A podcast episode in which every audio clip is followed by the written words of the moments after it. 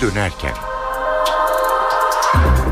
İyi akşamlar. Eve dönerken haberler başlıyor. Ben Tayfun Ertan. Günün haberleri ve yorumlarıyla yine sizlerle 19.30'a kadar beraber olacağız. Öne çıkan gelişmelerin özetiyle başlıyoruz.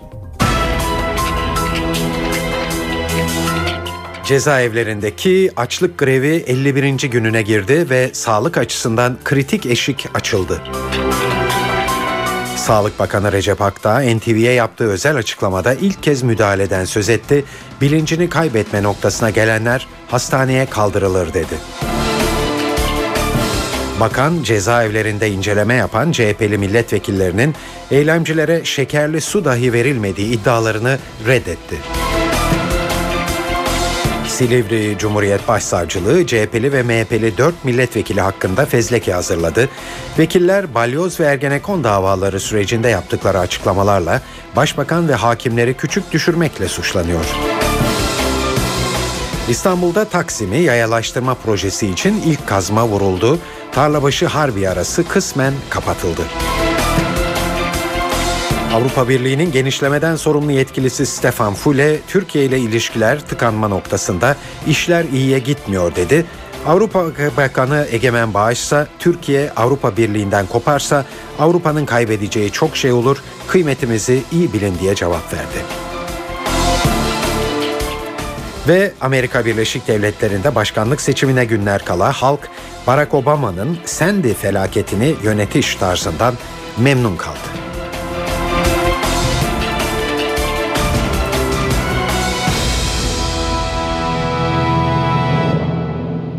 İyi akşamlar. Şimdi bu haberlerin ayrıntılarına geçiyoruz. Abdullah Öcalan'ın cezaevi koşullarının iyileştirilmesi ve ana dilde savunma hakkı talepleriyle birçok cezaevinde başlatılan açlık grevlerinde 51. güne girildi bugün ve artık kritik eşikten söz ediliyor. Uzmanlar eylemcilerde kalıcı hastalıkların başlayabileceği uyarısında bulunuyorlar. Meclis İnsan Hakları Komisyonu bugün Bolu'ya gitti. Komisyon üyeleri açlık grevinin sürdüğü iki cezaevinde mahkumlarla görüşüyor. Gün içinde siyasilerden de konuya ilişkin açıklamalar geldi. Tüm bunları sizlere duyuracağız ama önce Sağlık Bakanı Recep Akdağ'ın NTV'ye yaptığı özel açıklamayla başlayalım. Bakan Akta ilk kez eylemcilere müdahaleden söz etti. Bilincini kaybetme noktasına gelenler doktor kararıyla hastaneye kaldırılır dedi. Bu hususta elimizden geleni yapıyoruz. Ne yapıyoruz? Adalet Bakanımızla bizzat meseleyi görüştük. Arkadaşlarımız ilgili genel müdürlükler çalıştı. Bir şekilde ben açlık grevi yapıyorum diyen her tutuklu ya da hükümlüyle ilgili olarak günlük takip yapıyoruz. Tabii muayeneyi kabul edenler var, etmeyenler var. Bu biraz da onların kişisel hakları. Ama sonuçta günlük olarak bir doktorumuz yanında sağlık personeliyle beraber mutlaka bu kişileri ziyaret ediyor. Muayene etme talebini kendisine söylüyor. İfade ettiğim gibi buna müsaade edenler de muayene ediliyor. Gerekli işlemler yapılıyor. Biliyorsunuz bu hususta kişi kendisi müsaade etmediği müddetçe onu zorla almak, götürmek, giydirmek, içirmek, hastaneye yatırmak bunlar mümkün değil. Ama bir şekilde kendi başına karar veremeyecek kadar ciddi bir problemi olursa o zaman yine doktorun kararıyla daha doğrusu bilirkişi olarak onun vereceği raporla ve savcının kararıyla hastaneye de götürülebilir. Ancak şöyle yani durumu biraz daha ihtiyaç hissedenlerden genellikle bu duruma gelmiş olanlar müdahaleyi kabul ediyorlar. Evet şimdi Bolu'ya dönelim. İnsan Hakları Komisyonu üyelerinin iki cezaevinde yürüttüğü temaslara ilişkin bilgi alalım. NTV muhabiri Yağız Şenkal orada. Biz şu anda Bolu'dayız. F tipi cezaevinin önündeyiz. Milletvekilleri buradalar, cezaevindeler ve incelemelerini devam ettiriyorlar. Açlık grevleri 51. gününde ve Adalet Bakanı'nın açıklamasına göre Türkiye genelinde 683 mahkum tutuklu hükümlü şu anda açlık grevinde. İşte mecliste devreye girdi. İnsan Haklarını İnceleme Komisyonu bir alt komisyon kurdu. Cezaevi alt komisyonu 7 milletvekili bugün Bolu'ya geldiler ve şu anda cezaevindeler. 25 tutuklu ve hükümlü var burada Bolu'da açlık grevi yapan ve onlarla görüşüyorlar. Hangi şartlarda olduğunu öğrenmeye çalışıyorlar. Sağlık durumları hakkında bilgi almaya çalışıyorlar ve cezaevi şartlarını öğreniyorlar. Buraya geldiğinde milletvekilleri saat 12 sularında geldiler ve ilk işleri valiliğe gitmek oldu. Validen bilgi aldılar ve işte orada da ilk açıklamayı yaptılar. Ayhan Sefer Üstün komisyon başkanı burada konuştu. Daha önceden ölüm orucu yapmıyorlar, intihar ediyorlar demişti. Burada da Ayhan Sefer Üstün sorun başka yöntemlerle konuşarak çözülmeli dedi. Demokratik yöntemler kullanılmalı. Parlamento imkanı var. Eylemin bitirilmesi için katkı yapmak istiyoruz. Kimsenin böyle bir eylem içinde bulunmasını istemeyiz. Bir öğün dahi aç geçirmelerini arzu etmeyiz diye konuştu. AK Partili başkan evet heyet burada 7 milletvekilinden oluşuyor. AK Partili, CHP'li ve BDP'li milletvekilleri burada. Çıktıklarında bir açıklama bekliyoruz kendilerinden ancak ne olacak bilmiyoruz. Çünkü başkanla görüştüğümüzde çıktığımızda açıklama yapmayabiliriz de demişti. Fakat burada gördüklerini, e, burada yaşadıklarını bir rapor olarak meclise aktaracaklar. Evet bu konuda siyasilerden gelen açıklamaları da yansıtalım sizlere. MHP Grup Başkan Vekili Oktay Vural açlık grevi yapanların eylemi sondan, sonlandırmalarını istedi. Oktay'ın AKP ve CHP'ye de çağrısı oldu. AKP ve CHP bu tehdide karşı Türkiye'nin pabuç bırakmayacağına yönelik iradeyi ortaya koymalıdır diye konuştu. BDP Grup Başkan Vekili Pervin Buldansa 50 günü aşan açlık grevlerinde ölümle sonuçlanabilecek tehlikeli bir sürece doğru gidildiği uyarısında bulundu. Buldan Başbakan bu insanların çığlığına kulak vermeli, kimse bedenlerini ölüme yatırarak şov yapmaz diye konuştu. Evet yine cezaevlerinde süren açlık grevine ilişkin bir haberle devam edelim. CHP'li bir grup milletvekili Kocaeli ve Bolu cezaevlerinde açlık grevi eyleminde bulunan 28 kişiyle görüştü ve bu görüşmeden çıkan sonuçlar bir rapor haline getirildi. Raporda Adalet Bakanlığı'nın grevde olanlara şekerli su dahi vermediği ileri sürüldü. Raporun ayrıntılarını CHP Malatya milletvekili Veli Ağbaba açıkladı. Başbakanın salı günkü grup konuşmasının insanlar çok gerdiğini ve bir e, müthiş bir inatlaşmaya götürdüğünü gördük. Özellikle Bolu cezaevinde yatan mahkumların e, dünden itibaren doktor kontrolünü kabul etmediklerini gözlemledik. Disiplin cezaları verilmeye başlanmış. Açlık grevine katıldıkları için disiplin cezası veriyorlar. İletişimden men cezası verilmiş örneğin. Televizyon seyretme hakları, telefonla konuşma hakları, gazete okuma hakları ellerinden alıyor. Yutamıyorlar. Sıvıyı alamıyorlar artık. Mide kabul etmemeye başlamış. Ayrıca yürüme e, de problemleri gözle görülebilir. Bir tane üniversite mezunu bir mahkumun da konuşmakta son derece zorlandığını e, gördük. CHP'nin raporunda yer alan grevdeki mahkumlara şekerli su dahi verilmediği iddiasına Sağlık Bakanı Recep Akta NTV yayınında yanıt verdi. Akta ben ilgililerle konuştum hepsinin ihtiyaçları karşılanıyor dedi. Ben arkadaşlarımı aradım bunun üzerine. İlgili genel müdürüm, il halk sağlığı müdürleriyle görüştüm. Bunlar gerçeği yansıtmıyor bana verilen bilgilere göre. Yani elbette bir şekilde ben yemek yemeyeceğim diyen kişi kilo verebilir. Bunların bir kısmının sağlığı bozulmaz, bir kısmının sağlığı bir müddet sonra bozulmaya başlayabilir falan. Bunlar eyvallah. Ama yani bu mahkumlara ihtiyaçları karşılanmıyor diye bir şey biz gözlemiş değiliz Sağlık Bakanlığı olarak. Orada bu işi takip eden sağlıkçı arkadaşlarım itibariyle. Bir kişinin midesi ağrımış olabilir, bir kişide midesiyle ilgili ciddi bir problem çıkmış olabilir. Bunlar beklenebilir tıbbi durumlardır. Ama sanki sistematik bir biçimde bu eyleme bir şekilde dahil olan kişilerin ihtiyaçları karşılanmıyor iddiaları kesinlikle doğru değil. Açlık grevi tabi siyasi bir konu ve bu nedenle de insani yönü zaman zaman göz ardı edilebiliyor. Başbakan Erdoğan dün Almanya'da açlık grevi yok demişti. Bunun bir şov olduğunu söylemişti. Erdoğan'ın bu konuda gayet sert bir tavır aldığını biliyoruz. Cumhurbaşkanı Abdullah Gül ise grevler konusunda çözüm arayışım olacak diye konuşmuştu geçen gün. Sabah gazetesi Ankara temsilcisi Okan Müderrisoğlu'na bu farklı değerlendirmelerin nedenlerinin neler olabileceğini sorduk.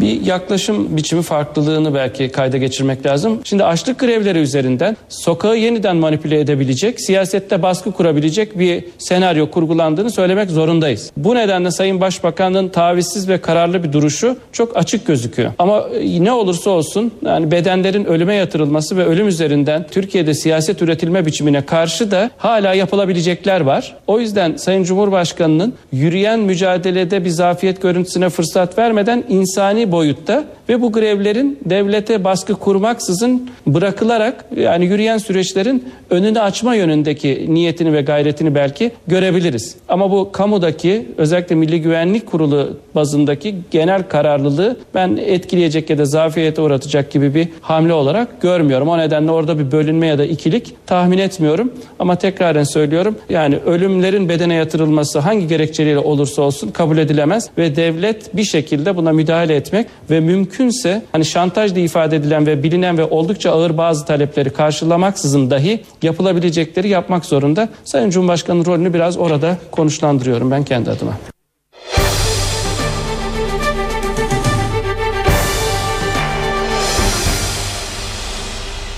Meclis Darbe ve Muhtıraları Araştırma Komisyonu 28 Şubat süreciyle ilgili olarak Başbakan Erdoğan'ın bilgisine başvuracak mı? Bu soru bugün yürütülen çalışmalara ilişkin bir basın toplantısı düzenleyen komisyon sözcüsü AKP milletvekili İdris Şahin'e soruldu. Şahin kapıyı açık bıraktı, başbakanı davet edebiliriz dedi. Kendisine henüz ulaştırmış olduğumuz bir davet söz konusu değil. Biz dolma bu 28 Şubat'la alakalı tüm dinlemeleri gerçekleştirdikten sonra da Sayın Başbakanımıza da böyle bir davet yapmayı düşünüyoruz. Bu konuda bir mutabakat oluşursa onun da yeri ve zamanını sizlerle paylaşmak suretiyle e, bilgi alışverişinde bulunacağımızı ifade etmek istedim.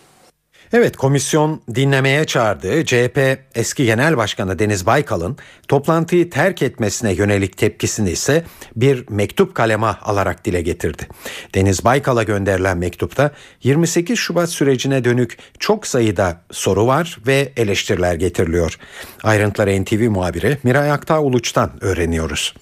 Meclis Darbe ve Muhtıraları Araştırma Komisyonu Sözcüsü İdris Şahin mecliste düzenlediği basın toplantısında önceki gün komisyon toplantısını terk eden Deniz Baykal'a tepki gösterdi ve Baykal'ın komisyonun yetkisiz ve hukuksuz işlem yaptığı konusundaki açıklamalarının gerçeği yansıtmadığını söyledi. İdris Şahin'in açıklamalarından aslında en dikkat çeken komisyon başkanı Nimet Baş'ın Deniz Baykal'a yazılı bir mektupla komisyonu terk etmesiyle ilgili tepkisini dile getireceği açıklaması oldu ve bu mektup basın mensuplarına da dağıtıldı. Öncelikle mektupta dikkat çeken bazı noktalar var onları aktaralım. Hazırlıklı geldiğiniz ve okuduğunuz metinde bizim sorularımızın cevabı yoktu ifadelerini kullandı Nimet Baş Deniz Baykal'a yazdığı mektupta ve komisyonumuzun sizden önce 125 kişiye olduğu gibi, sorduğu gibi size de sorularımızı sormak istiyorduk dedi ve Deniz Baykal'a yönelik hazırlanan bazı sorular vardı. Komisyon toplantısında eğer bulunsaydı bu sorular sorulacaktı. Ancak Nimet Baş bu soruları yazılı olarak gönderdiği mektubunda sordu. Sorulardan dikkat çeken bazı detaylar var. Deniz Baykal'a yönelik olarak Nimet Baş dönemin kudretli paşalarıyla kamuoyundan gizli görüşmeleriniz oldu mu? Mesela Antalya'da görüşmeler yaptınız mı diye sordu. Aynı zamanda 28 Şubat sürecinde kendisine başbakan yardımcılığının teklif edilip edilmediğini de sordu ve Nimet Baş'ın son notu da şu şekilde oldu. Bu soruları sormak ve cevaplarını almak mümkün olmadı. Sağlık olsun ifadelerini de kullandı. Deniz Baykal'a yönelik olarak yazdığı mektupta. Dediğimiz gibi komisyon sözcüsü İdris Şahin'in de bazı açıklamaları vardı. İdris Şahin, Deniz Baykal'ın halen kendisini Cumhuriyet Halk Partisi'nin genel başkanı zannettiğini ve komisyona bu şekilde davet edilmek istendiğini belirtti. Bu komisyona yetki verenin dört siyasi partinin genel başkanları ve grup başkan vekillerinde olduğunu söyledi ve komisyonu görevlendiren isimler arasında Cumhuriyet Halk Partisi'nin genel başkanı Deniz Baykal ve grup başkan vekilleri de yer alıyor dedi ve Deniz Baykal'ın komisyonda dinlenmesi için çağrılması konusunda mutabık olduğunu tüm üyelerin ve CHP'li üyelerinde herhangi bir şer oyu kullanmadığına da dikkat çekti. İdris Şahin'in dikkat çeken bir başka açıklaması da komisyona gelip toplantıyı terk etmesini milletimizin vicdanına havale ediyoruz dedi ve burada yapılan herhangi bir hukuksuz işlem olmadığını komisyonun hem anayasa hem de iş tüzüğe bağlı olarak kurulduğuna da dikkat çekti. İdris Şahin açıklamalarının detayları özetle bu şekildeydi. Saat 18.14 NTV Radyo'da eve dönerken haberleri dinliyorsunuz. Şimdi İstanbul'daki yol durumuna bir göz atacağız. Büyükşehir Belediyesi Trafik Kontrol Merkezi'nden Murat Kazanasmaz. Altunizade yönünde yoğunluk henüz tam olarak etkili değil ama Acıbadem sonrasında Altunizade istikametinde yoğun trafiğin şu anda etkili olmaya başladığını söyleyebiliriz. Aynı noktada Fatih Sultan Mehmet Köprüsü'nde köprü girişi ve köprü üzerindeki yoğunluk etkili olmaya başladı. Özellikle şu anda Kavacık trafiği ve sonrasındaki yoğunluk köprü yönünde devam ederken bu yoğunluk yer yer Ümraniye Elmalı trafiğine kadar uzamakta. Ters yönde Fatih Sultan Mehmet Köprüsü'nün çıkışında da yoğunluk var. Avrupa Anadolu geçişinde Boğaziçi Köprüsü'nün giriş hareketi gibi gözükse de ön kısımda yoğunluk etkili olmaya başladı. Özellikle Mecidiyeköy trafiği 20 dakikalık süreçte durma noktasına kadar yaklaştı. Köprü yönündeki yoğunluksa devam ediyor. Ters yöne baktığımızda hareketli trafiğin devam ettiğini söyleyebiliriz. Bu noktada Mahmut Bey istikametine doğru İstoç çıkış noktalarında da yoğunluk yaşanmakta. Avrupa yakasında metris trafiği yine Mahmut Bey istikametine yoğunlaştı. Tekstil kent metris bağlantısı ve sonrasında Mahmut Bey girişinde yoğunluk devam ediyor. Akşemsettin Viyadüğü'ne baktığımızda Kemerburgaz ve Hassal bağlantı noktalarında yoğun ama akan bir trafikle karşı karşıyayız. Aynı noktada Ali Beyköy istikametinden sonra Fatih Sultan Mehmet Köprüsü'nün girişinde de yoğunluk başladı. Gişeler ve köprü üzerindeki yoğunluksa şu an için devam ediyor. Haliç Köprüsü'nün üzerinde Topkapı istikametinde yoğun trafik etkisini şu anda hissettirirken Cevizli Bağ'da havalimanı istikametinde yoğun trafik etkisini artırdı. Küçükçekmece'de de Florya istikametinde yoğun trafik şu anda devam ediyor. Günün öne çıkan gelişmesini hızla özetleyerek devam edelim. Cezaevlerindeki açlık grevi 51. gününe girdi ve sağlık açısından kritik eşik aşıldı. Sağlık Bakanı Recep Akta NTV'ye yaptığı özel açıklamada ilk kez müdahaleden söz etti. Bilincini kaybetme noktasına gelenler hastaneye kaldırılır diye konuştu. Bakan cezaevlerinde inceleme yapan CHP'li milletvekillerinin eylemcilere şekerli su dahi verilmediği şeklindeki iddialarını da reddetti.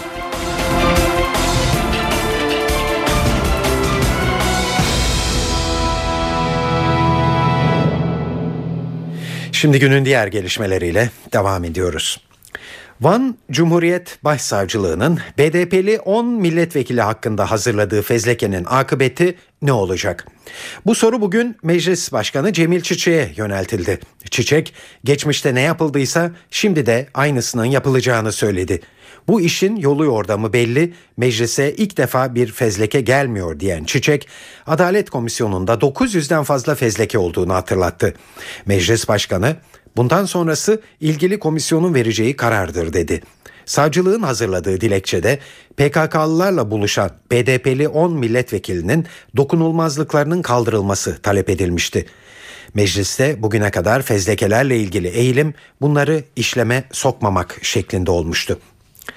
Bu arada Silivri Cumhuriyet Başsavcılığı da CHP'li ve MHP'li 4 milletvekili hakkında fezleke hazırladı.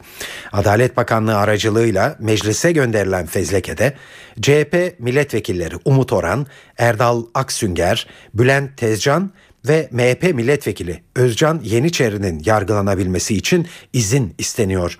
Vekiller balyoz ve ergenekon davaları sürecinde yaptıkları açıklamalarla başbakan ve hakimleri küçük düşürücü sözler sarf etmekle suçlanıyor. Hakkında soruşturma izni istenen milletvekillerinden Umut Oran, Silivri cezaevindeki ziyaretinin ardından yaptığı açıklamada iktidar partisini ve başbakanı demokrasi düşmanı olarak gördüğünü söylemişti.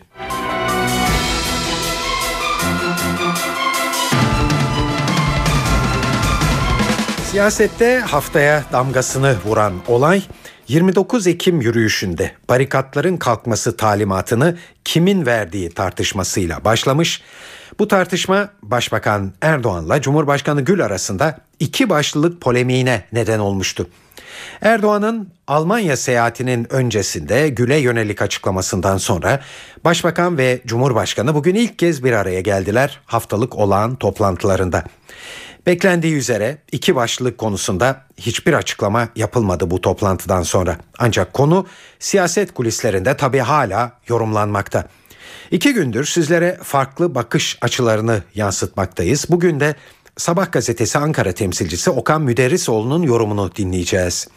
Müderrisoğlu Erdoğan'la Gül arasında kritik bazı konularda farklı değerlendirmeler olduğunu belirtiyor ama bunun henüz iki başlı yönetim gibi bir yapılaşmaya ilgili olmadığını vurguluyor. Özellikle tutuklu milletvekilleri konusunda Sayın Cumhurbaşkanı'nın daha farklı bir düşünce sistematiği var. Ekonomide Avrupa Birliği perspektifinde Cumhurbaşkanı AK Parti'nin ilk dönemindekini çağrıştıran söylemleriyle ön plana çıkıyor. Şimdi yukarıdan aşağı bir bilançoyu çıkartıp topladığımızda sanki bölünmüş bir yapı ve ikili bir yapı var izlenimi doğal olarak oluşuyor. Bana sorarsanız e, Sayın Cumhurbaşkanı'nın 2014 Cumhurbaşkanlığı seçim süreci veya Cumhurbaşkanlığı dışında siyasette rol alma biçimi e, belirleyici unsur haline geliyor. Öyle anlıyorum ki Sayın Cumhurbaşkanı yani siyaseten ya da devlet yönetiminden emekli olma niyetinde değil. E, Sayın Başbakan da açıkçası henüz daha kararını vermiş değil belki ve 2014'de de çok zaman var. Öyle zannediyorum ki yerel seçimleri de 2013'ün sonbaharına alma girişimi büyük ölçüde gündemden kalkacak. Dolayısıyla yerel seçimin hemen ardından yapılacak Cumhurbaşkanlığı seçimi yani Sayın Başbakan biraz işleri sıralayarak ve erken bir tartışma ve bölünmüş gibi bir görüntü ortaya çıkmaması için sınırları yeniden çizme gereği ve bunun kalın çizgilerle hatırl- hatırlatılmasının önemli olduğunu düşündü. Ee, bu nedenle Burada bunun bir süre daha dondurulacağını önümüzdeki günlerde tahmin ediyorum. Ee, açıkçası bu dondurulmazsa o zaman gerçekten hani bu ikilik var mı tartışmaları bizi en az bir yıl daha meşgul eder onu söyleyebilirim.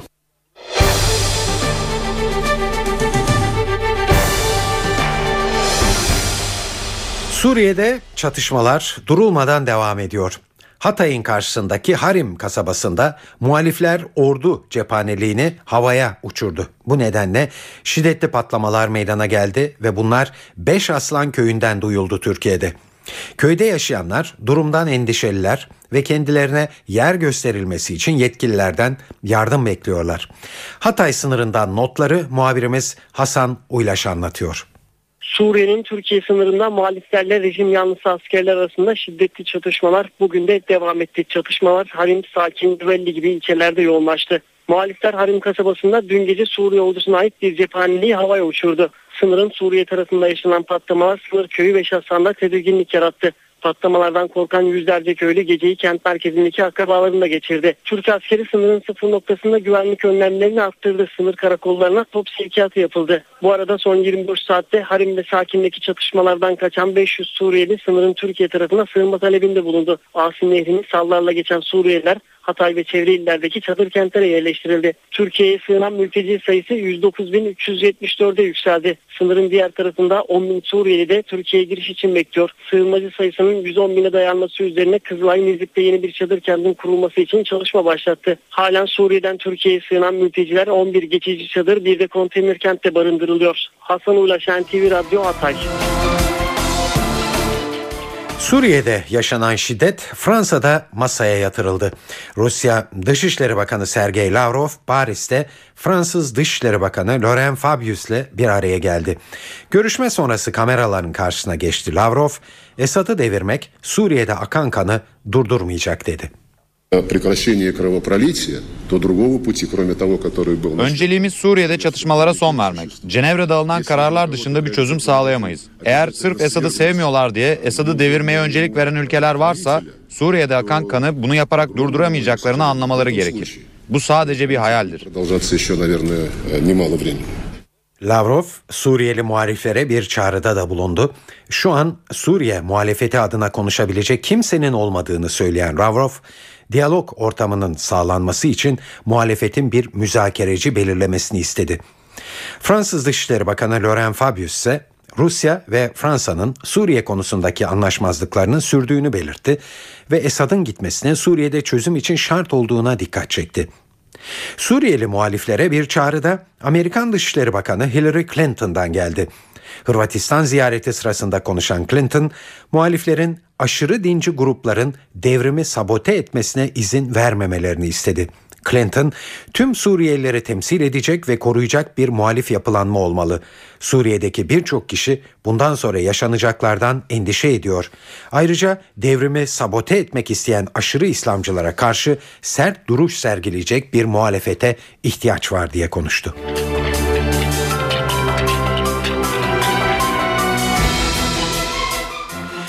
Orta Doğu'da Türkiye algısı nasıl?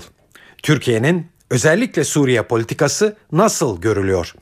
Bu sorulara Türkiye Ekonomik ve Sosyal Etütler Vakfı TESEV 16 ülkeyi kapsayan bir kamuoyu araştırması yaparak yanıt aradı. Araştırmaya göre Türkiye bölgedeki en önemli siyasi güç ve Orta Doğu'da barışa kat, katkı sağlayan bir ülke. Ankara'nın Suriye politikası da Orta Doğu'da olumlu karşılanıyor. Evet araştırmanın sonuçlarını TESEV danışmanı Mesur, Mensur Akgün NTV yayınında şöyle yorumladı. Türkiye Orta Doğu'da bir yani barış yapıcı bir güç olarak algılanıyor. Ee, Filistin sorununun çözümü konusunda rol oynayabilecek bir devlet olarak algılanıyor. Ee, geleceğin ekonomisinde 10 yıl içerisinde en güçlü olacak olan e, ülke olarak algılanıyor. Yani bunların hepsini bir araya getirdiğiniz zaman üstelik de hala daha Türkiye'ye karşı duyulan bir sempati var. Hala diyorum çünkü bir o sempati oranında ve model olarak algılanmasında bir düşüş gerçekleşiyor. Bu düşüşün e, sanıyorum hepimiz tarafından dikkate alınması şart. Özellikle de karar verme konumunda olanlar, Orta Doğu'da politika geliştirenler, dünya siyasetinde söz sahibi olanların bu konuda çok daha hassas ve dikkatli olmasında yarar var. Ama bunları bir kenara bıraktığımız zaman bir marka değeri oluştuğunu görüyorsunuz Türkiye'nin. Bu marka değerinin de korunması gerekiyor. Çünkü hem ekonomik olarak hem de siyasi olarak etkili olmak için bu marka değeri çok önemli. Geçen sene Libya vardı, gündemde bu sene Suriye var. Her iki e, sorun karşısında Türkiye'nin takındığı tutum çok farklı. Ötekini sanki Libya'daki takım takınılmış olan siyaseti Arap halkları daha çok destekliyorlarmış gibi bir hissiyata kapılıyorum ben araştırmanın sonuçlarına baktığım zaman. Türkiye'nin Suriye politikasını destekleyenlerin oranı bayağı yüksek ama yani Suriye'de tabii ki e, kimse desteklemiyor bunu. Ama yani bir desteğin olduğunu söylemek mümkün fakat bu desteği korumamız gerekiyor. Yani sadece Suriye konusundaki desteği değil, Suriye politikamız konusundaki desteği değil, imajımızın algılanmasını yani Türkiye algısının da korunması gerekiyor. Bu konuda hep birlikte birlikte çalışmak şart. Dediğim gibi en büyük sorumluluk da siyasilere düşüyor. 12 Eylül davasının 7. duruşması 20 Kasım'da yapılacak. Sağlık sorunlarını gerekçe gösterip mahkemeye gelmeyen sanıklar bu oturumda telekonferans yöntemiyle ifade verecek. Yaklaşan tarih öncesinde Adalet Bakanlığı da harekete geçti. Duruşmanın yapılacağı salona telekonferans sistemi için gereken cihazlar konulmaya başlandı. Ankara muhabirlerimizden Özden Erkoş anlatıyor. Kenan Evren ve Tahsin Şahinkaya'nın yargılandığı 12 Eylül davasının 20 Kasım'da yapılacak 7. duruşması için mahkeme salonunda hazırlıklar başladı. Sanıkların video konferans yoluyla ifadelerin alınması için Adalet Bakanlığı mahkeme salonuna kamera ve ekran kuracak. Mahkeme davanın 6. duruşmasında sanıklar Kenan Evren ve Tahsin Şahinkaya'nın telekonferans yöntemiyle yargılanması yönünde karar vermişti. Karar üzerine Adalet Bakanlığı harekete geçti. Ankara 12. Ağır Ceza Mahkemesi salonuna kamera ve ekran kurulacak. Davanın 20 Kasım'daki duruşmasında sanıklara iddianamenin okunacağı belirtiliyor. Mahkeme salonunda iddianame okunurken bu işlem sırasında Ankara 12. Ağır Ceza Mahkemesi kalemi müdürü Kenan Evren'in yanında bulunacak. Tahsin Şahinkaya'nın yanında ise İstanbul'daki nöbetçi Ağır Ceza Mahkemesi'nin kalem müdürü olacak. Sanıkların savunmalarını yapacakları sırada ise yanlarında birer naip hakim bulundurulacak. Görüntüler mahkeme kalemince daha sonra yazılı tutanağa dönüştürülecek. Tutanağa dönüştürülen kayıtlar kanunlarda öngörülen şartlara uygun olarak taraflara verilebilecek. Ancak taraflar ses ve görüntü içeren kayıtları edinemeyecek. Özden Erkuş, NTV Radyo, Ankara. Benzinde son 15 günde 3. kez indirime gidildi. 9 kuruşluk indirimle Benzinin litre fiyatı İstanbul'da 4 lira 59 kuruşa satılmaya başlandı. İndirimde petrol fiyatlarındaki ve döviz kurların, kurlarındaki gerileme etkili oldu. Benzine 17 ve 24 Ekim'de toplam 23 kuruşluk indirim yapılmıştı.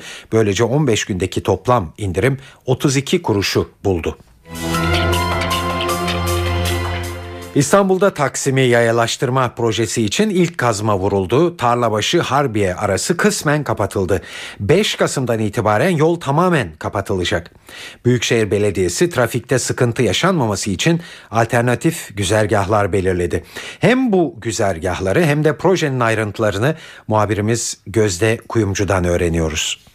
Taksim Yayalaştırma Projesi için ilk kazma vuruldu ve altyapı çalışmaları Cumhuriyet Caddesi ve tarla başında başladı. Çalışmalar 240 gün sürecek ve 240 günün sonunda Taksim tamamen yayaların olacak ve tabi çalışmalar nedeniyle bazı yollar kapatıldı. Tarlabaşı Zambak Sokak'ta onlardan biri ve Zambak Sokak'ta yaya ve araç trafiği kapalı olduğu için esnaf da biraz tepkili. Özellikle o cadde üzerindeki otel sahipleri ve esnaf müşteri gel gelmediği için işlerin durgun olduğundan yakınıyor. Ve tabi proje tamamlandığında Taksim'den Şişli'ye gidecek araçlar Cumhuriyet Caddesi'nde yer altına inecek ve 400 metrelik tünelden sonra tarla başında dışarı çıkacak. Aksi yönde de tabi bir tünel daha olacak. Ayrıca proje kapsamında Taksim'deki Cumhuriyet Anıtı etrafındaki otobüs durakları da meydandan kaldırılacak ve başka bir yere taşınacak. Şunu da hatırlatmakta fayda var. Çalışmalar nedeniyle 5 Kasım'dan itibaren Cumhuriyet Caddesi trafiğe kapatılacak ve alternatif yollar tabi açılacak. Bunları da tekrarlayalım. Tarlabaşı Harbiye yönünde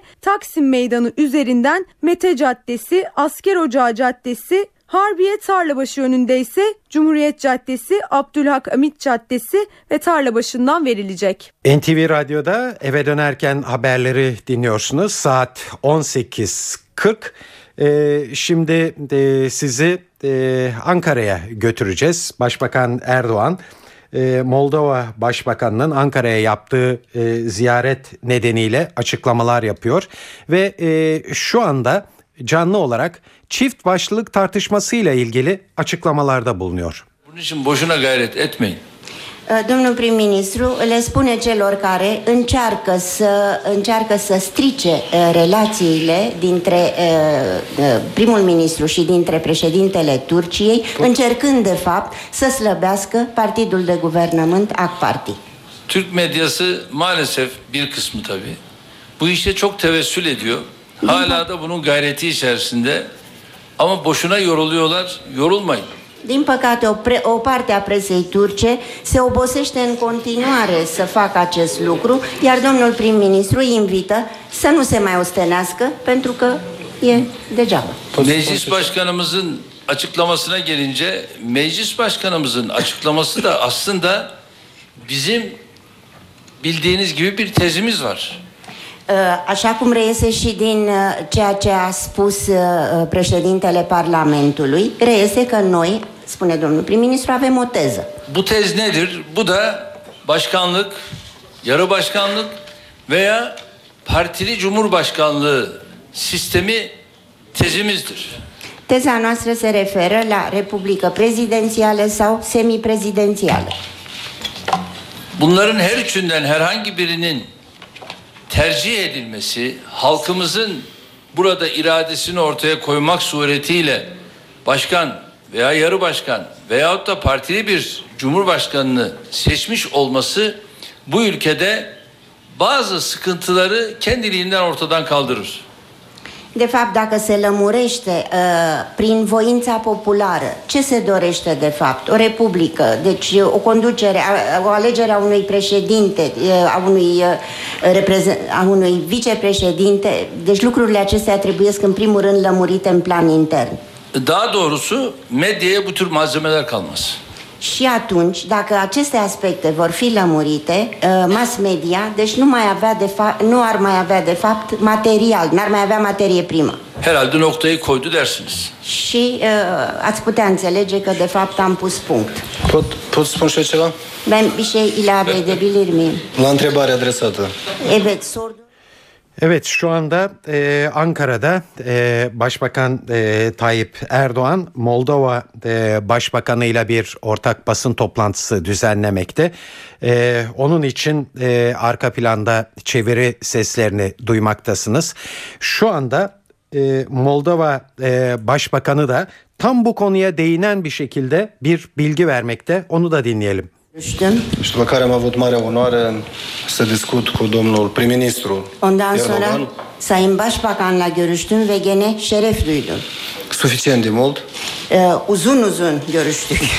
ca să, înțeleg, kadar ca să görüştük. înțeleg că totul este în ordine la acest capitol. Ve, țara ve bu görüşmelerden anladığım e, kadar sizin ülkenizde her şey yolundadır. Pentru ce, pentru ce vreau să vă felicit, stimați cetățeni ai Republicii Turcia. Türkiye Cumhuriyeti sayın vatandaş temsilcileri. Eu spun Sizleri acest lucru kutlamak în isterim. cunoștință. Neden kutlamak Spun isterim? acest lucru în cunoștință de cauză, Ve bunu e, bildiğim için size söylüyorum. pentru că instabilitatea politică este foarte des mai gravă decât presiuni din exterior. Çünkü e, bazen iç e, e, istikrarsızlık dış baskıdan çok daha vahimdir. Datorie. Evet bunlar da Moldova Başbakanı'nın e, sözleriydi onları e, yansıttık. E, şimdi e, şimdi ben e, Tayyip Erdoğan'ın Başbakan Tayyip Erdoğan'ın söylediklerini size e, hızla özetleyeyim. E, iki başlılık konusuyla ilgili olarak e, Başbakan Erdoğan e, Cumhurbaşkanı Gül'le farklı şeyler söylemediklerini aynı şeyi e, söylediklerini e, belirtti ve bizi birbirimize düşüremezler böyle bir ayrılık varmış gibi göstererek diye konuştu ve konunun tabi basın tarafından büyütüldüğü doğrultusunda bir açıklamada bulundu.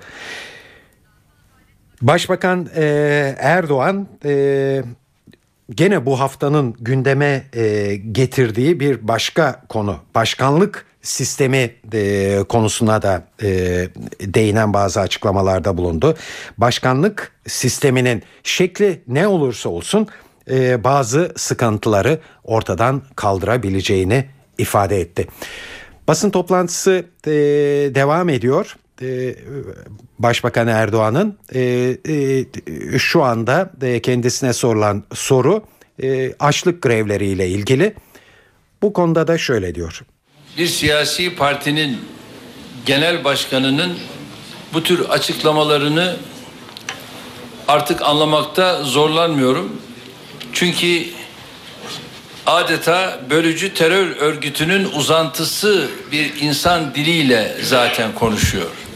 Deci este vorba, din câte am putut să înțeleg, domnule prim-ministru, despre niște declarații ale unui eh, președinte de partid, probabil un altul decât cel care este eh, în momentul de față eh, la putere și pe al, a cărui alocuțiune domnul prim-ministru o consideră ca o afirmație care seamănă cu o uh, organizație uh, care este ramură a unei organizații teroriste. Eylemlerinin radikalleşeceğini söyleyen kişi şu anda zaten ülkemizde çocuklarımızın, gençlerimizin okuduğu okulları gördüğünüz gibi tehdit edecek kadar ileri gitmişler ve bunların ne demokrasiden ne özgürlüklerden nasipleri yok.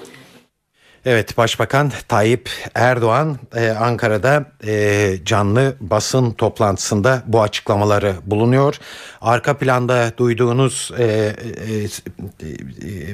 e, sesler e, Moldova Başbakanı ile birlikte düzenlediği için bu basın toplantısını yapılan çevirinin sesleri. Biz şimdi günün diğer gelişmeleriyle devam ediyoruz. Avrupa Birliği'nin genişlemeden sorumlu yetkilisi Stefan Füle, Türkiye ile yürütülen müzakere sürecine ilişkin olumsuz bir tablo çizdi. Füle, Türkiye ile ilişkiler tıkanma noktasında işler iyi gitmiyor dedi. Füle bu açıklamayı Sofya ziyareti sırasında yaptı. Stefan Füle Türkiye ile müzakerelerde bugüne kadar sadece 13 başlığın açılabildiğini hatırlatarak her şey çok yavaş ilerliyor, sıkıntı büyük ifadesini kullandı. Genişlemeden sorumlu üye taraflar arasında bir güven sorunu yaşandığını belirtti. Füle ifade özgürlüğü konusunda Türkiye'nin ilerici adımlar atması gerektiğini vurguladı. Füle'nin bu açıklamayı yaptığı dakikalarda Avrupa Birliği Bakanı Egemen Bağış da müzakere sürecini değerlendirmekteydi. Bağış, Türkiye Avrupa Birliği'nden koparsa Avrupa'nın kaybedeceği çok şey olur, kıymetimizi iyi bilin dedi. Avrupa Birliği insanlık tarihinin en kapsamlı barış projesidir. Bu yüzden Nobel Barış Ödülünü alması bence anlamlıdır.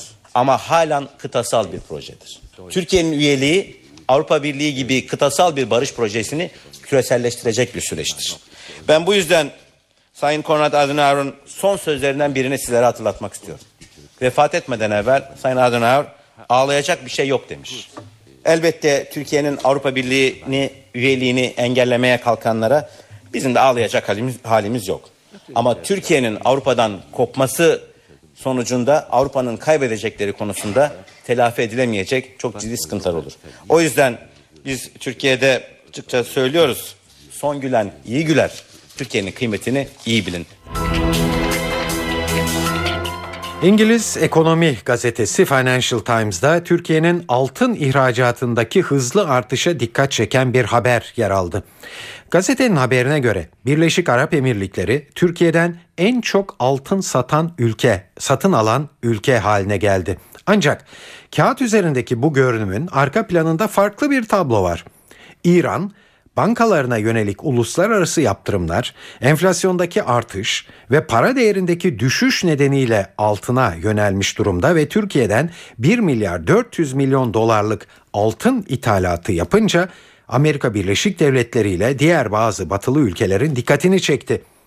Bunun üzerine İranlı alıcılar Ağustos ayından itibaren Türk altınını satın almak için Birleşik Arap Emirlikleri'ni yeni bir kanal olarak kullanmaya başladı.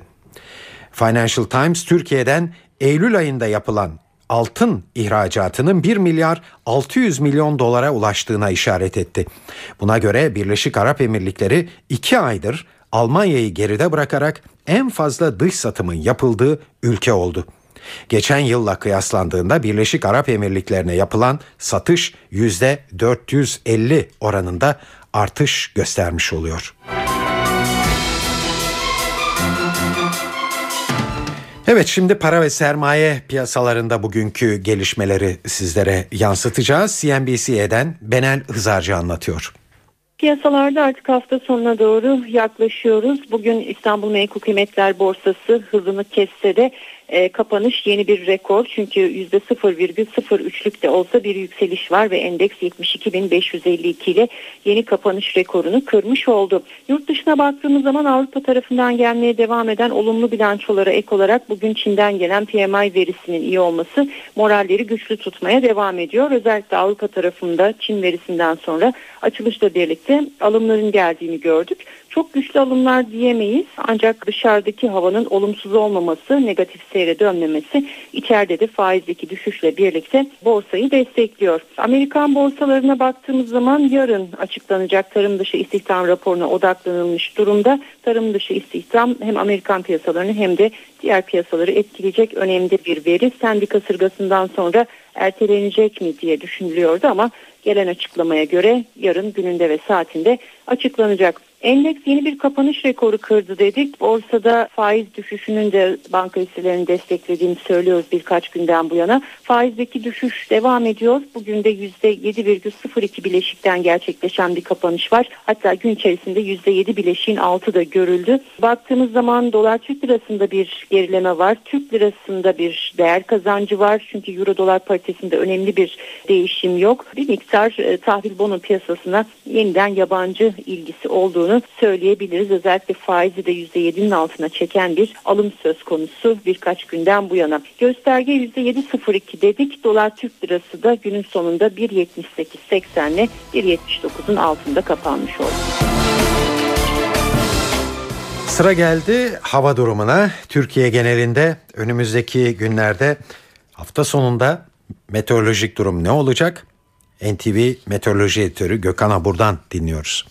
Batı bölgeler Lodos'la birlikte yağışlı havanın etkisine girdi. Şu anda yağışlar Ege'de, Trakya'da devam ediyor. Ama Lodos sıcaklıkları 3-4 derece yükseltti. Fakat hafta sonu Poyraz Marmara'dan başlayarak sıcaklıkları yeniden azaltacak. Trakya ve kıyı Ege'de başlayan yağışlar gece saatlerinde daha da kuvvetlenecek. Yağışların Saros Körfezi, Edirne, Gökçeada, Bozcaada ve Edremit Körfezi civarında daha etkili olmasını bekliyoruz. Yarın doğudaki yağışlar etkisini kaybederken Marmara ve Kuzey Ege'de daha kuvvetli olmak üzere Ege, Batı Akdeniz ve Batı Karadeniz'de sağanaklar etkisini sürdürecek. Cumartesi günü Ege'de yağış yok. Marmara'nın kuzey ve doğusuyla Batı Karadeniz'de ise etkisini sürdürüyor. Rüzgarın Poyraz'a dönmesiyle de kuzey kesimlerden başlayarak sıcaklıklar azalacak. Evet İstanbul'da bu gece ve yarın aralıklı yağmur bekliyoruz. Sıcaklıklar 23 derece olacak. Yağmur yarın gece saatlerinde daha da kuvvetlenecek. Ankara'da yarın bulutlanıyor. Yerel yağmurlar var. Sıcaklık 21 derece. Pazar günü yağış beklemiyoruz. İzmir'de bu gece kuvvetli yağacak yağmur yarın gün boyu devam edecek. Sıcaklıksa yüksek ve 24 derece olacak.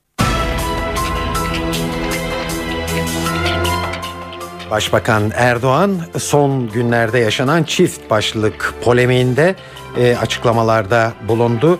Kimse bizi birbirimize düşüremez. Cumhurbaşkanıyla aynı şeyleri söylüyoruz dedi. Cezaevlerindeki açlık grevi 51. gününe girdi ve sağlık açısından kritik eşik aşıldı. Sağlık Bakanı Recep Akta NTV'ye yaptığı özel açıklamada ilk kez müdahaleden söz etti. Bilincini kaybetme noktasına gelenler hastaneye kaldırılır diye konuştu.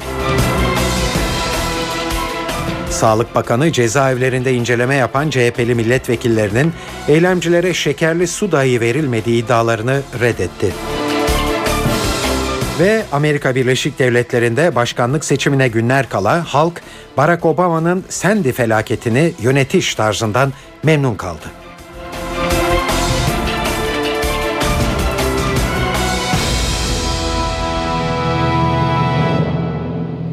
Evet, devletin zirvesinde son günlerde e, yaşanmakta olan çift başlılık polemiğinde son açıklama Başbakan Erdoğan'dan geldi. Hepsi hepsi 15-20 dakika kadar önce Moldova Başbakanı'yla e, düzenlediği basın toplantısında. Bunları size canlı olarak az önce duyurduk. Başbakan Erdoğan kimse bizi birbirimize düşüremez. Cumhurbaşkanıyla aynı şeyi söylüyoruz dedi. Gerek şahsımın gerekse Cumhurbaşkanımızın yaptığı açıklamalara baktığımızda aynı şeyleri söylediğimiz ortaya çıkar. Ben havaalanında şunu söyledim.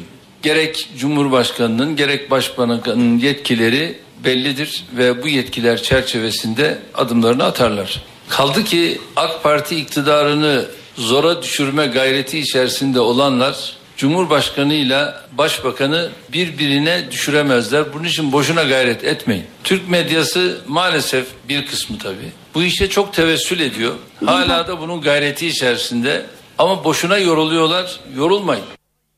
Evet son günlerde yaşanan çift başlılık polemiği bir yandan da devlet başkanlığı sisteminin e, tartışılmasına tekrar yol açmıştı ve e, çift başlılıktan yola çıkanlar eğer başkanlık sistemine geçilmezse Türkiye'de çift başlılığın yaşanabileceğine dikkat çekmişlerdi. İşte Erdoğan az önceki konuşmasını takiben bu konuya da değindi. Devlet başkanlığı sistemine de değindi ve Erdoğan başkanlık sistemi ülkedeki bazı sıkıntıları kendiliğinden ortadan kaldırır dedi. Bizim bildiğiniz gibi bir tezimiz var. Bu tez nedir? Bu da başkanlık, yarı başkanlık veya partili cumhurbaşkanlığı sistemi tezimizdir. Bunların her üçünden herhangi birinin tercih edilmesi halkımızın burada iradesini ortaya koymak suretiyle başkan veya yarı başkan veyahut da partili bir cumhurbaşkanını seçmiş olması bu ülkede bazı sıkıntıları kendiliğinden ortadan kaldırır. Daha doğrusu medyaya bu tür malzemeler kalmaz.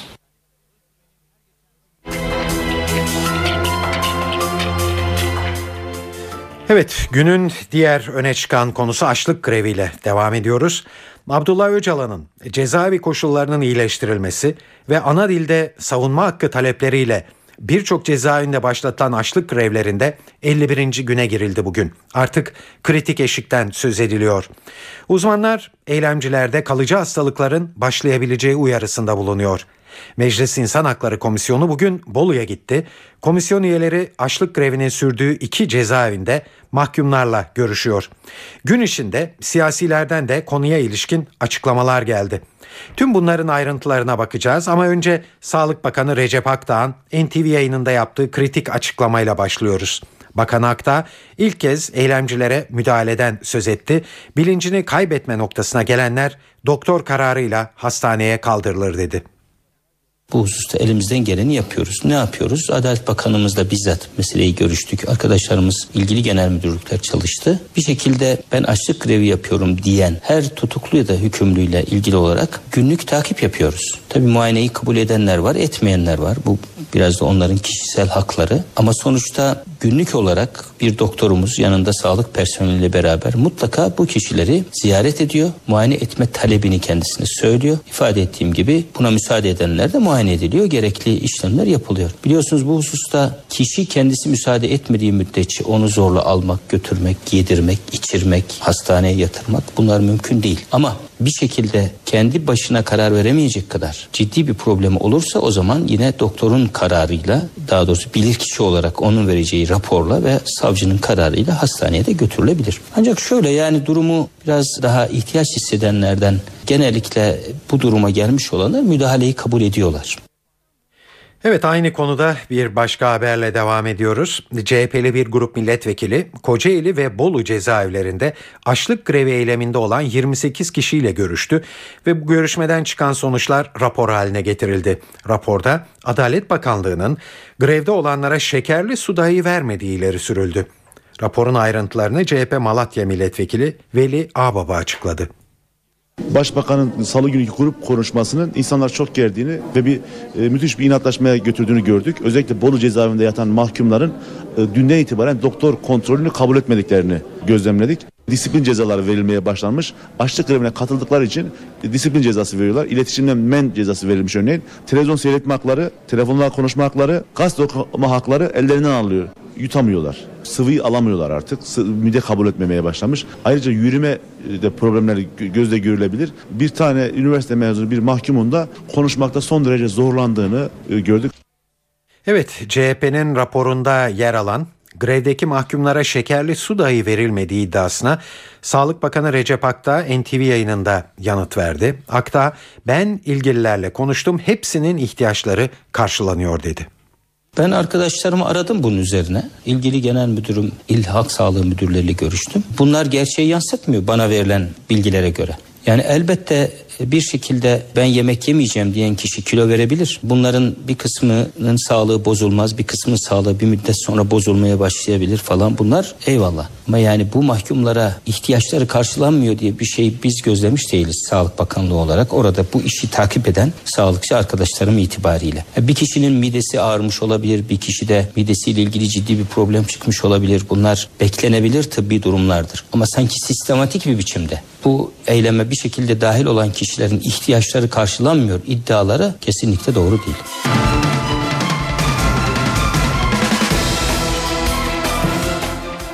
Van Cumhuriyet Başsavcılığı'nın BDP'li 10 milletvekili hakkında hazırladığı fezlekenin akıbeti ne olacak? Bu soru bugün Meclis Başkanı Cemil Çiçek'e yöneltildi. Çiçek geçmişte ne yapıldıysa şimdi de aynısının yapılacağını söyledi.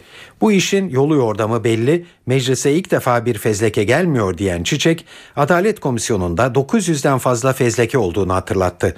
Meclis Başkanı bundan sonrası ilgili komisyonun vereceği karardır dedi. Savcılığın hazırladığı dilekçede PKK'lılarla buluşan BDP'li 10 milletvekilinin dokunulmazlığının kaldırılması talep edilmişti. Meclise bugüne kadar gelen fezlekelerle ilgili eğilim bunları işleme sokmamak şeklinde olmuştu. Evet bugün de Silivri Cumhuriyet Başsavcılığı CHP'li ve MHP'li 4 milletvekili hakkında fezleke hazırladı. Adalet Bakanlığı aracılığıyla meclise gönderilen fezlekelerde CHP milletvekilleri Umut Oran, Erdal Aksünger, Bülent Tezcan ve MHP milletvekili Özcan Yeniçeri'nin yargılanabilmeleri için izin isteniyor. Vekiller balyoz ve ergenekon davaları sürecinde yaptıkları açıklamalarla başbakan ve hakimleri küçük düşürücü sözler sarf etmekle itham edilmekte. Amerika Birleşik Devletleri'nin doğu kıyısını vuran Sandy fırtınasının yol açtığı yıkım gerçekten de çok büyük oldu. Kıyı bölgesinde yüzlerce ev yerle bir olurken denizin yükselmesinden dolayı kilometrelerce alan kumla kaplandı. Sel bazı bölgelerde köprü ve evleri tam anlamıyla yuttu. Amerikan Başkanı Barack Obama dün akşam felaketin en çok etkilediği bölgelerden biri olan New Jersey'deydi. Afet bölgesinde incelemelerde bulunan Obama New Jersey'ye destek sözü verdi. So we're going to have a lot of work to do. Bu afetin izlerini bir günde ortadan kaldıramayız. Ama tüm problemler çözülene dek hükümet olarak eyalet yetkilileriyle birlikte çalışacağımıza söz veriyorum. Bu noktada bürokrasinin işleri aksatmasına müsamaha göstermeyeceğiz. Ekibime afet bölgesinden gelen tüm telefonlara en geç 15 dakika içerisinde geri dönülmesi talimatı verdim. Uh, and we will not quit New York'ta ise hayat yavaş yavaş normale dönme yolunda. 72 saate aşkın bir süredir kapalı olan hava alanlarının büyük bölümü açıldı. Su basan New York metrosunun da önümüzdeki günlerde tekrar açılması hedefle alınıyor. Sandy fırtınası ya da Amerikalıların ifadesiyle Sandy süper fırtınası önümüzdeki salı günü yapılacak olan Amerikan Devlet Başkanlığı seçimin sonucunu da etkilemiş olabilir. Kampanyanın şu son günlerinde başkan adayları Barack Obama ile Mitt Romney kamuoyu yoklamalarında başa baş görünüyorlardı. Ancak 50 milyon kişiyi bir şekilde etkileyen Sandy fırtınası sınavını yönetmede halk Başkan Obama'yı başarılı buldu. Bu da Obama'yı Romney'nin önüne geçirmiş olabilir bir ihtimal. New York muhabirimiz Selim Atalay'ı dinliyoruz. Biz Chicago'dayız. Chicago'nun önemi şu, e, Başkan Obama'nın e, seçim merkezi memleketi. Dolayısıyla dağının kuyruğu biraz da Chicago'da kokacak. Onun için Chicago'da da iyi bir siyasi gözlem noktasındayız. Obama'nın karnesinin bu olaydan tabii ki etkilendiğini, etkilendiği açık. Nasıl etkilendi, ne kadar etkilendi? Şöyle hata yapılmadı. İdare merkezi yönetim e, bir hata yapmadı. Hatta çok etkin bir sıkıntı olmasın diye çok etkin müdahale etti. Obama'nın bu etkin müdahalesi Cumhuriyetçi Parti'den, rakip partiden olmasına rağmen New Jersey'nin belediye valisinin takdiriyle karşılandı. Obama'yı övdü. Romney'nin adamı olduğu halde bu vali. Yani o da bir olumlu puan olarak Obama'ya yazıldı ve tarafından etkilenen eyaletlerde çekişme vardı. Onların dört tanesinde çekişme vardı. O çekişmeyi bu durum nasıl etkileyecek? Yani millet aslında oralarda 4 6, 6 yaklaşık 10 eyaleti can derdine ve e, mal derdine düşmüş durumda. Yani seçim düşünecek durumda değil. Orada durum siyasi olarak oy dağılımı olarak belki dondu denebiliriz. Diğer eyaletlerde de işte Obama'nın performansına bakılıyor. Romney tabii ki kenarda kaldı bir e, idari etkisi olmadığı için. E, o da fazla eleştirmedi demagoji yapmadı. Şu durumda yine Obama'ya bakıyoruz ve kilit eyaletlerdeki Obama üstünlüğünün devam ettiğini de görüyoruz. Yunanistan'da ekonomik krizle mücadele edenler yaklaşan kış öncesinde ısınma masraflarından tasarruf etmek için harekete geçti. Yunan halkının büyük bölümü pahalı olan doğal gaz yerine sobayı tercih etmeye başladı. Hal böyle olunca da Türkiye'deki soba fabrikalarının yüzü güldü. Yunanistan'dan binlerce soba siparişi geldi. Evet bir soba fabrikası sahibi Mustafa Özgün memnun görünüyor. Yunanistan'da işte dış borçları yüzünden doğal gaz akışında bir durgunluk var. Hükümetin de aldığı tedbirler doğrultusunda sanırım doğal gazı kestiler ve hem halka bedava kömür dağıtıyorlar. Bu yüzden hem kömür sobasında, odun sobasında hem de elektrik sobasında bir talep patlaması var. Bizden yaklaşık şu anda 10 bin civarında elektrik sobası, yaklaşık bir o kadar da kömür sobası talebi var. Evet geldik kültür ve sanat dünyasından haberlere. Sizlere çeşitli etkinliklerden bir derleme sunuyoruz. The Twilight Set bugün Radyo Eksen'in katkılarıyla Babilon'da konser veriyor. İlk kez İstanbullu müzikseverlerle buluşacak olan grup post-punk müzik yapıyor. The Twilight Set saat 22.15'te konserine başlayacak. Öncesinde ise The Ringo Jet sahnede olacak. Müziklerini garaj ve blues arasına oturtan bu yerli grubun konseri de saat 21'de. 1980'lerden bugüne caz dünyasının gördüğü en iyi vokallerden biri olan Diane Reeves de bugün Nardis Jazz Club sahnesinde 3 yıl arka arkaya en iyi caz vokal performansı dalında Grammy'ye layık görülen Reeves 20'ye yakın albüm yayınladı. Konseri saat 22'de. Smooth Jazz'ın öncülerinden klavyeci ve besteci Jeff Lorber de bugün İstanbul Jazz Center'a konuk oluyor. 2007 yılında He Has a Head isimli albümüyle Grammy'ye aday olan Lorber, Fusion Band adlı grubuyla verecek konseri. Bu konserin başlama saati de 21.30. Salon İKSV ise bugün Brezilyalı şarkı yazarı, gitarist ve perküsyonist Vinicius Cantuaria'yı ağırlıyor. Bossa Nova ve cazı harmanlayan müziğiyle beğeni toplayan Cantuaria'nın konseri 21.30'da. İstanbul Büyükşehir Belediyesi Şehir Tiyatroları Tarık Günersel'in yazdığı Zırhlı Kurt, Kösem Sultan'la Avcı Mehmet hikayesini sahneliyor bugün. Erol Keskin'in yönettiği oyun, Mahpeyker Kösem Sultan'ın oğlu Padişah İbrahim Han'ın tahttan indirilmesiyle başlıyor. 4. Mehmet Han'ın saltanatını konu alıyor. Aslı Öngören, İbrahim Gündoğan ve Murat Coşkuner'in rol aldığı Zırhlı Kurt, saat 20.30'da Üsküdar Kerem Yılmazer sahnesinde görülebilir. Beyoğlu'ndaki Galeri Arter de şu sıralar hamle başlıklı bir sergiye sahipliği yapıyor. 53. Venedik Bienalinde Türkiye pavyonunun küratörü olan Başak Şenova'nın küratörlüğünü üstlendiği sergide Adel Abidin, Rosa Barba ve Runa İslam'ın eserleri yer alıyor. Mekanın girişinde bu üç sanatçının yaklaşımları ve üretimleri hakkında en belirgin anlatıma sahip işler var. Üst katlardaysa sanatçıların solo sergileri yer alıyor. Hamle 18 Kasım'a kadar ziyaret edilebilir. İstanbul dışında neler olduğuna bakalım şimdi de. Samsun Devlet Opera ve Balesi yeni sezonu karşıladığı Zorba Balesi ile bu akşam sanatseverlerin karşısında olacak. Müzikleri Mikis Theodorakis tarafından bestelenen ve Anna Kriskov tarafından sahneye konulan yapıtın orkestra şefliğini Tolga Taviş üstleniyor. Girit'te küçük bir kasabada yaşayan Zorba adındaki bir adamın ve dostlarının yaşadıklarını anlatan ünlü müzikleri ve sirtaki danslarıyla modern bir bale yorumu olan Zorba saat 20'den itibaren büyük salonda olacak. Adana Devlet Tiyatrosu da Zeynep Kaçar'ın yazdığı, Fırat Demirağ'ın yönettiği Dış Ses adlı oyunla bugün Hacı Ömer Sabancı Kültür Merkezi'nde görülebilir. İnce bir mizahla zenginleşen oyunda kadının toplum içindeki yeri bir kez daha tartışmaya açılıyor. Derya Keyf ve Saliha Özkanlı'nın rol aldığı oyun saat 20'de başlayacak.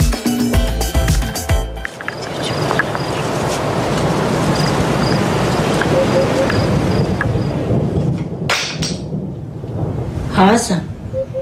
Yarın vizyona girecek yeni filmlere de göz atalım. Zeynel Doğan ve Orhan Eskiköy'ün ödüllü filmi Babamın Sesi haftanın iki yerli yapımından biri. Maraş katliamından etkilenen bir ailenin öyküsünü konu alan Babamın Sesi, İstanbul Film Festivali'nde en iyi senaryo, Altın Koza'da ise en iyi film ve en iyi senaryo ödüllerine layık görülmüştü. Hasan.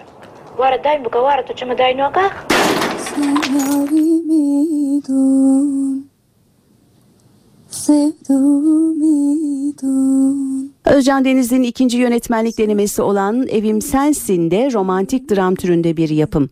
Şanssız bir hayat sürmüş olan Leyla ve İskender'in aşk öyküsünü konu alan filmde Özcan Deniz başrolü Fahriye Evcen'le paylaşıyor.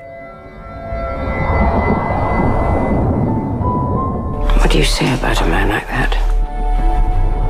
Three months ago, you lost the drive containing the identity of every agent. Eleştirmenlerin bugüne kadar çekilmiş en iyi Bond filmlerinden biri olarak gösterdiği Skyfall'da haftanın öne çıkan yapımlarından. Sam Mendes'in yönettiği Daniel Craig'in başrolünde yer aldığı filmin çekim mekanları arasında Türkiye'de var.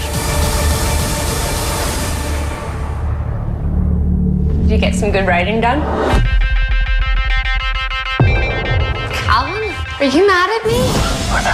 Romantik komedi türündeki hayalimdeki aşksa genç yaşında büyük başarı elde etmiş ama hızlı yükselen kariyerinde şimdi duraklama evresine giren bir yazarın öyküsünü kan alıyor. Başrollerini Paul Dano, Zoe Kazan ve Annette Bening'in paylaştığı filmin yurt dışı eleştirmen notu oldukça yüksek.